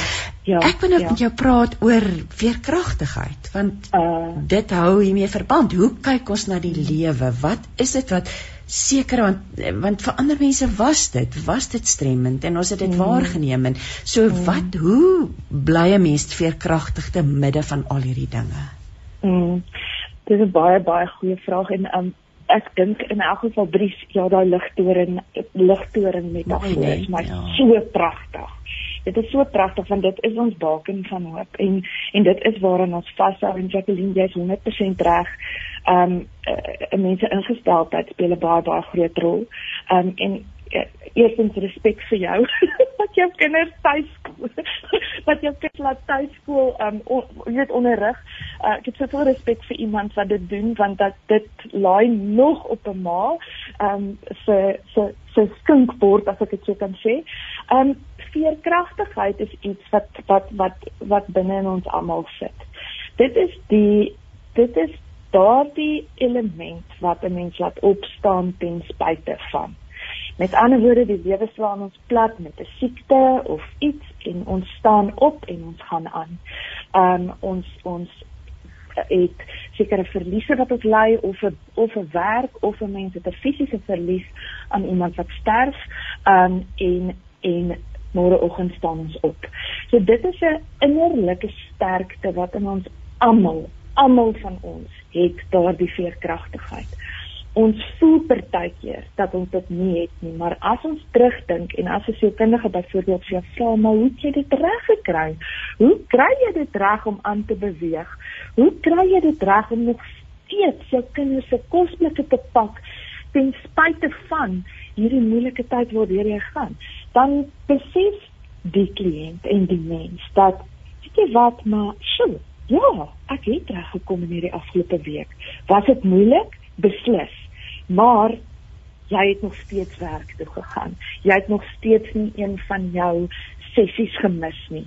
Jy het by jou sterdatums gebly.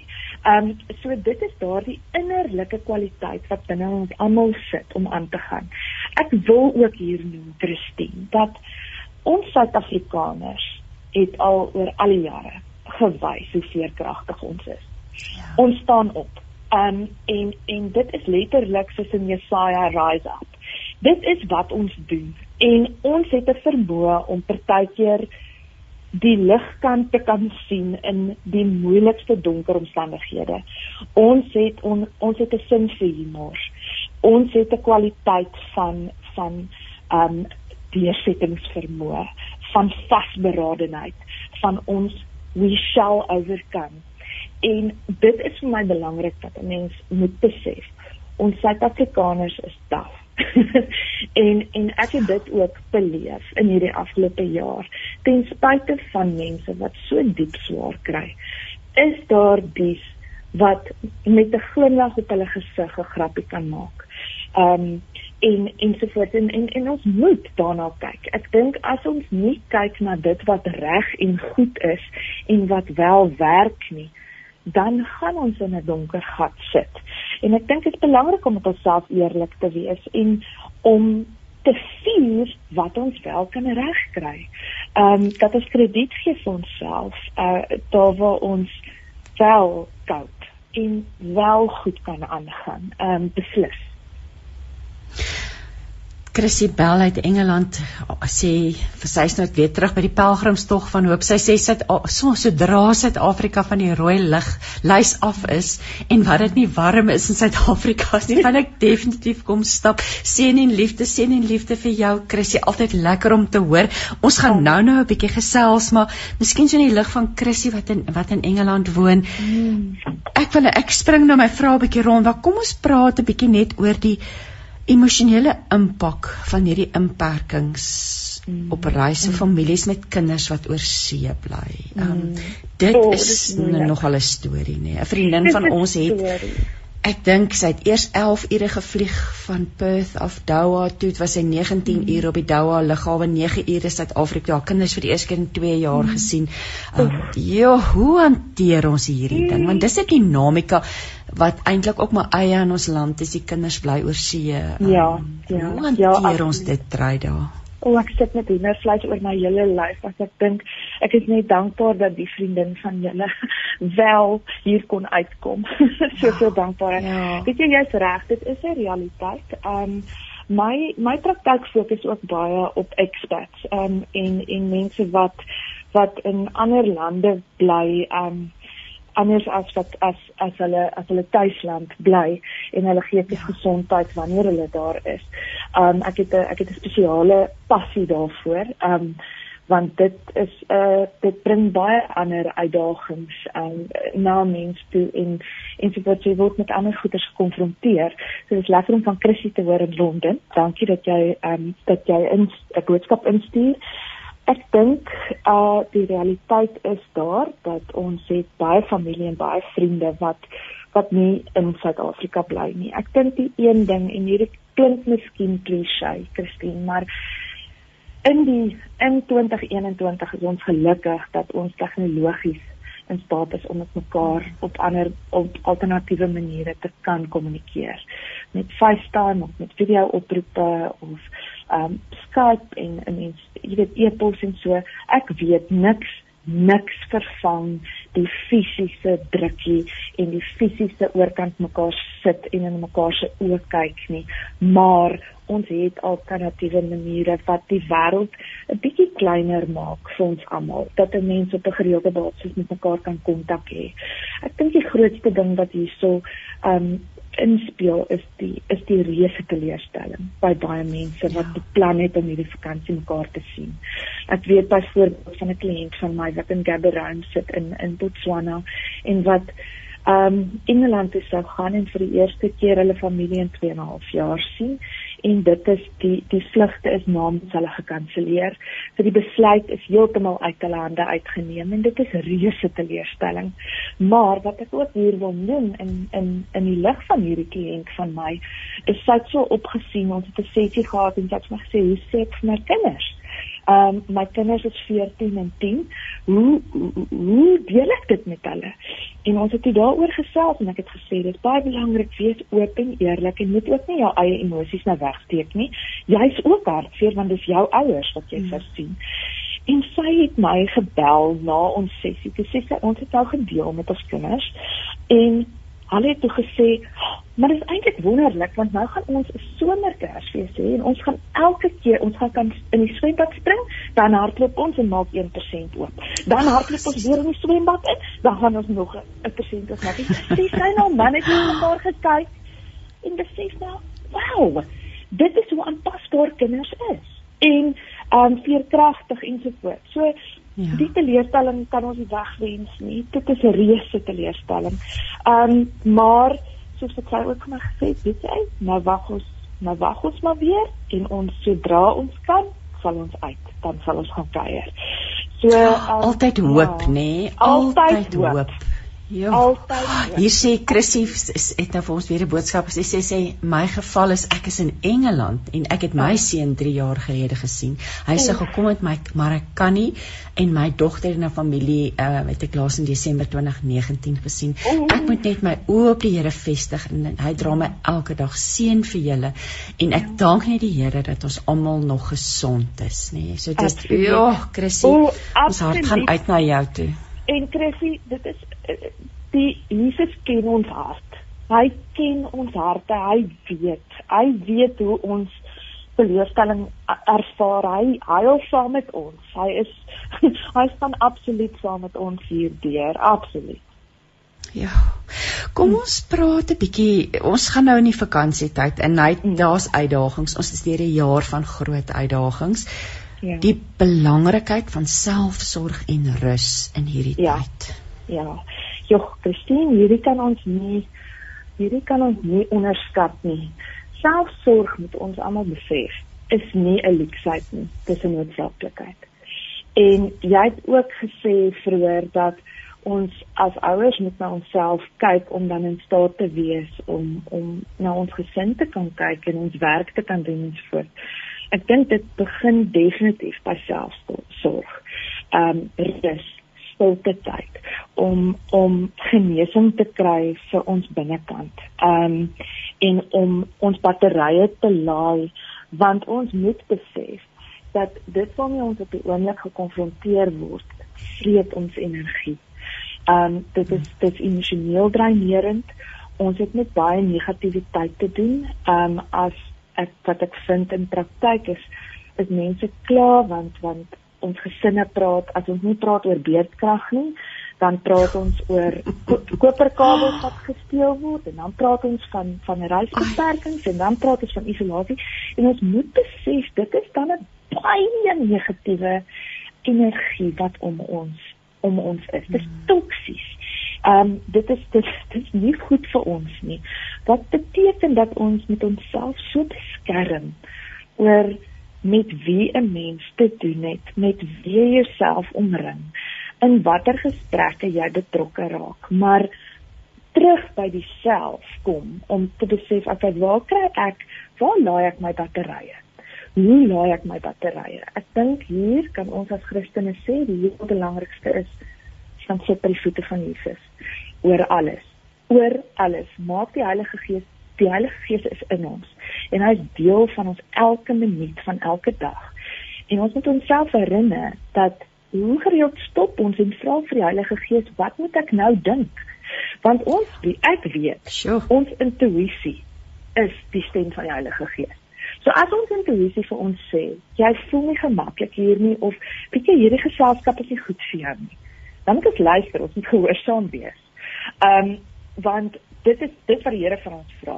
Ons moet na onsself kyk, ons moet onsself beskerm en en ons moet sy wil soek. So toets dit met die Heilige Gees. Ehm um, wat moet ek doen, Heilige Gees? Wat moet ek doen om rustig te raak? Hoe kan ek hierdie skoenlappers in my maag kalmeer? Ehm um, en meeste van die tyd sal sal Christene vir my sê ek weet ek spandeer nie op die oomblik genoeg tyd in die woord nie. Ek weet ek skep dit af en dit is wat my meer angstig laat voel. So um rus en en selfsorg dink ek het te doen met um met met gehoorsaamheid. Dit is dit is wat ons moet doen. Die Here het die sewende dag het hy gerus. En en dit is 'n verantwoordelikheid wat ons het um, ek dink as 'n mens en almal al die luisteraars weet dit as 'n mens ons praat van as 'n tank leeg is, het ons niks om te gee nie. En 'n kar kan nie loop op dampe nie. Hy kan nie ry op dampe nie. En ons ons baie kere um, leef vanuit daai leë leë immers en so voort en ons probeer gee en gee en gee, maar op die ou end is daar een persoon wat daardeur ehm um, negatief beïnvloed word en dit is jouself. Ehm um, wat dan op 'n punt van uitbrand kom en dit is gewoonlik te laat. dit is gewoonlik ja. in daai desperate oomblikke wat 'n mens besef, oeg, dit tog. Ehm um, maar maar 'n mens moet dit vroeër, dit moet 'n ingesteldheid wees en dit moet 'n 'n tipe ding wat deel is van jou lewe. Ek sê altyd hierdie ehm um, op my Google kalender het ek verskillende kleure vir kliënte en persoonlike lewe en my kinders se aktiwiteite ensovoorts. Maar ek het 'n spesifieke kleur vir vir stil word en vir alleentyd. Ehm um, en dit ek is ek is 'n introvert, so ek het nodig ook om my energie van binne af te kry. So anders het ek nie woorde nie. ek het letterlik nie dan woorde nie. So dit is baie belangrik om self te gaan besef waar werk ek dit in en dit moet letterlik deel van 'n mens se daaglikse rotine wees. Um, Daar's my twee mm. kernwoorde tyd wat jy gesê het. Die een is vir die Heilige Gees, die Heilige Gees, wat moet ek nou dink? Ons sal baie mm. keer sê wat moet ek nou doen? So ja. die belangrikheid daarvan en dan wat jy gesê het gehoorsaamheid wees. Dis dis ja. eintlik 'n opdrag van die Here om te rus ja, en en, en veral hierdie jaar, veral aan die einde van hierdie jaar. Mm, absoluut. Um, absoluut, absoluut. Kom ons gesels. Ja, die tyd is 10:43, so ons het darm nog tyd. Ehm um, die mm. tyd gaan net altyd gewoonlik te vinnig op 'n Dinsdagoggend. Kom ons praat 'n bietjie oor vir mense en en ek praat nou buite die konteks van COVID. Mense wat ja. hartseer raak oor Kersfees. Hulle sien op teen Kersfees. Hulle is ja. dis vir hulle 'n uh, alleentyd, dis 'n hartseer tyd. Ehm uh, watter raad het jy aan hierdie mense? Ag, oh, my hart gaan uit. Ehm um, na na elkeen wat alleen en en en hartseer is tydens hierdie tyd. Hierdie is gewoonlik 'n tyd vir saam wees en familie en um en so voort en, en om om die lewe te vier um basies so. En ons almal ken mense um wat wat nou deur 'n moeilike tyd gaan. So eerstens my hart gaan uit na hulle. Ek dink wat ons moet besef is um hartseer en rou van alles oor liefde. Wanneer ons rou dan gaan dit oor oor liefde hoe lief ons hierdie persoon gehad het um en en as jy net daai perspektief het van dis hoekom ek so hartseer is, is omdat ek so diep lief was vir hierdie persoon. Dan dink ek kan 'n mens die persoon eer deur een of ander iets te doen. Byvoorbeeld te sê, "Um wat wat het my so lief gemaak van my pa?" Um en wat het my pa van gehou in hierdie tyd? En om dit om hom te betrek in al jou planne en alles dat hy deel is van wat jy gaan doen as 'n eerbetoning van die liefde wat tussen julle bestaan het. So hartseer is 'n realiteit in hierdie tyd. Ek dink die belangrikste ding is om dit nie weg te wens nie en om dit nie te ontken nie om om dit te beleef vir wat dit is. Um en dan om te kyk hoe 'n mens daardie hartseer op 'n mooi manier kan ehm um, kan uitleef. Soos byvoorbeeld rituele. Ehm um, 'n kersie wat elke dag aangesteek is. Ek het byvoorbeeld 'n kers op my lesenaar en ek steek hom aan wanneer ek die Heilige Gees nooi om deel te wees van my praktyk en van elke uur se werk wat ek doen. En dit is net my manier om vir myself te wys dat ek hierdie Heilige Gees ingenooi. Maar wat wat ons ook sien is rituele en tradisies is baie belangrik vir die rouproses ook. Ehm um, as dit jou ma se gunsteling blomme is om dit op die tafel te sit as dit 'n sekere reuk is, soos 'n vanilla kers, dan sit steek jy 'n vanilla kers aan. En dit is letterlik om nie te ontken dat die persoon geleef het nie en om te eer wat wat 'n mens hou, wat mens wat mens onthou en wat mens vier um in in die vreeslike hartseer. So baie belangrik moenie in ontkenning gaan nie. Um ervaar die emosie, moet dit nie probeer wegsteek nie, maar moet ook nie in daardie emosie bly nie. Want dit is dan dan weet ons dit is nie gesond vir ons nie. Um maar maar die emosie kan ons nie weg die die emosie kan ons wil ons nie minimaliseer nie en ons wil dit nie wegvat nie maar maar um, ek dink ook baie belangrik is om om mense te omring met mense wat wat baie lief is vir jou en wat vir jou 'n positiewe uitkyk op hierdie lewe gee. Um ten spyte van die groot hartseer dat 'n mens ook daar selfsorg toepas in wie jy in jou sirkel toelaat. Um ja, Jacqueline het nou weer vir ons 'n boodskap gesê. Sy sê sy kan definitief sê sê dit is baie waar oor persoonlike tyd. Sy sê met vier kinders is selfs bad en badkamer toe gaan nie 'n wegkruip plek ja. verbreek nie. Sy sê van my kinders weet van 6 tot 7 in die oggend met hulle skaars wees, anders is ek 'n beer met 'n seerpoot vir die res van die dag. Het ek nie daardie uur nie, loop my hele ja. dag onderste bo en agterste voor. So daai uur van stilte tyd. Ek wil nou vir jou vra Oh, ek wens ons nog 'n rukkie gehad, maar interpersoonlike spanning tussen familielede. Jo, daar is nou die mense wat mekaar gaan sien hierdie vakansie en dit gaan nie noodwendig so goed onder mekaar on, uh, tussen familielede nie. Hoe hanteer 'n mens dit effektief? O, oh, Christine, weet jy ek ek gegil want ek dink ons almal weet. Al alle luisteraars het weet of van iemand wat so 'n situasie het of hulle self daarin. Dit is 'n realiteit. Um ek dink wat hier baie belangrik is is 'n mens se eie houding dat jy jouself voorberei vir die tyd wat 'n mens gaan spandeer met ehm um, met familie met wie mense dan nie noodwendig baie goed oor die weg kom nie. Indien dit enigstens binne 'n mens se beheer het, uh beheer is, sal ek sê dat 'n mens die tyd moet beperk. Met ander woorde, ek ek wil amper sê speed dating dat jy ja. dat jy sê ons ons kuier, ons kuier saam um uh, Kersdag en ons is van 2 tot tot jy weet van 12 tot 3 kuier ons by julle ja. en letterlik um dan vinnig wees om te luister en stadig om te praat en stadig om kwaad te word. Dit is 'n baie hiervan is 'n persoonlike rasionele besluit wat 'n mens moet neem om te sê ek gaan regtig ek gaan ek slot op my mond sit en ek gaan nie reageer op elke ding wat gesê word nie. Ehm um, daar is sekere temas in families wat wat opgebring word ehm um, en en dan weet ons persoonlik dit mm. is my trigger of dit is die knoppie wat hulle druk, maar dit bly ons keuse of ons daarop gaan reageer of nie. En ek dink ook in hierdie situasie is dit verskriklik belangrik um, ek ek wil die kinders weer hierby inbring. As ons sekere gevoelens het teenoor familielede ensovoorts, uh weet jy met volwasse familielede, is dit baie belangrik om te kies wanneer ons daaroor gaan praat en dat ons kinders nie gebreinspoel word om dieselfde te dink wat ons dink of voel wat ons voel nie. Sodat die kinders nog steeds 'n 'n 'n normale en 'n liefdevolle verhouding byvoorbeeld met ouma sal hê. Um as as die skoondogter nie goed met ouma oor die weg kom nie of wat ook al die geval is, dat kinders nie geïndoktrineer word in dieselfde um denk denkpatroon as ons vasval nie. Dink dis baie baie belangrik.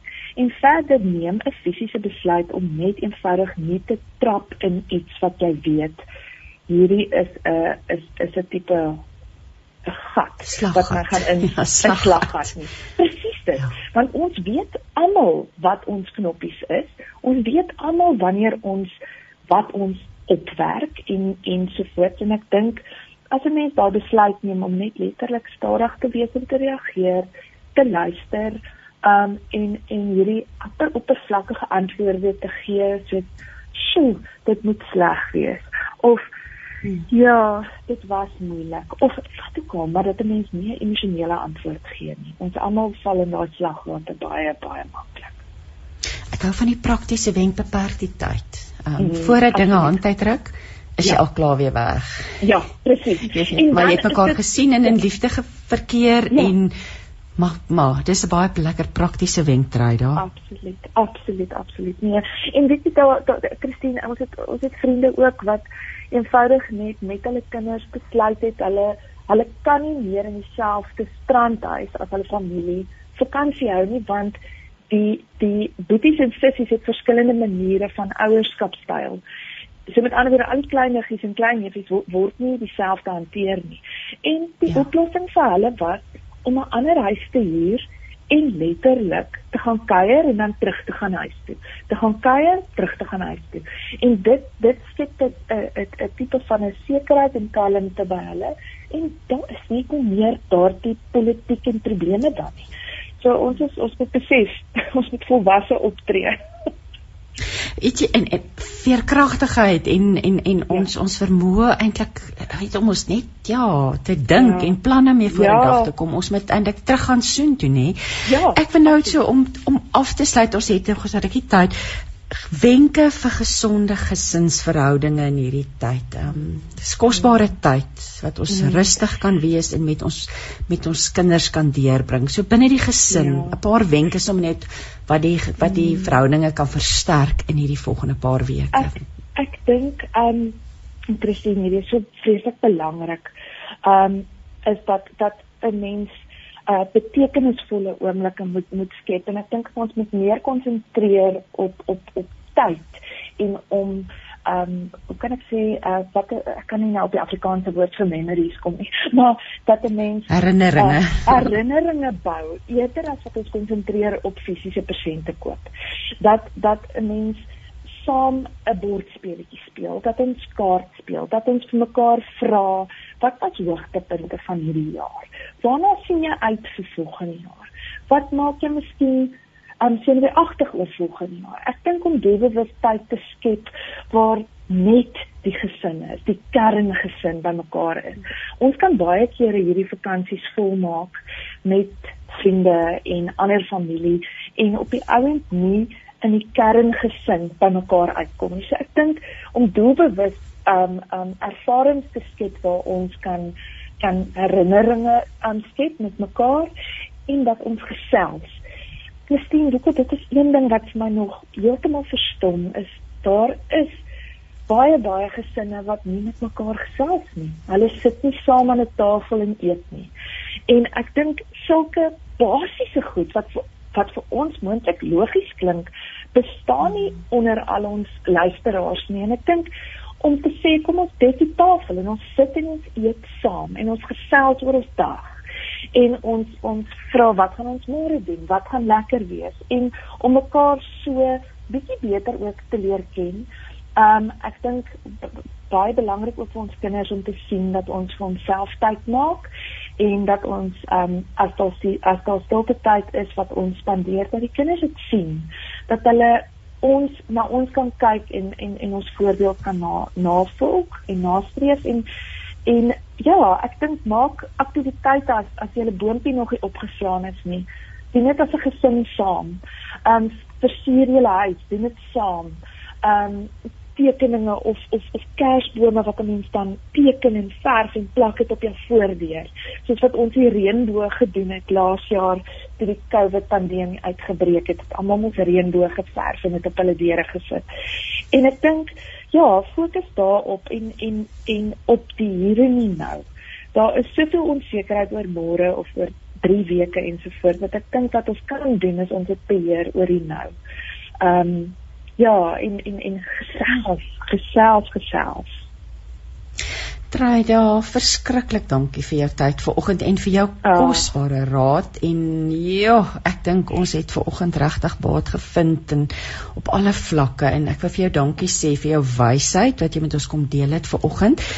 As jy nou weer terug is by die werk, waar kan mense jou in die hande kry? Weet jy, ek is op die oomblik nog aanlyn en ek is besig tot die 17de. Ehm um, die beste sal wees ehm um, dat jy 'n SMS of 'n WhatsApp stuur na my selfoon toe en dan sal ek kontak maak. My selnommer is 082 045 8043. Nou ek gaan daardie nommer net herhaal Truida. As jy nie omgee nie dis dan dokter Truida Botha sielkundige. Sy uh, is in in die Pretoria Gauteng omgewing maar sy werk ook aanlyn. So as jy wil kontak maak 082 045 8043 is daar 'n e-posadres Truida? Daar is 'n e-posadres. Dis my voornaam Truida T R I I D A B vir Botha.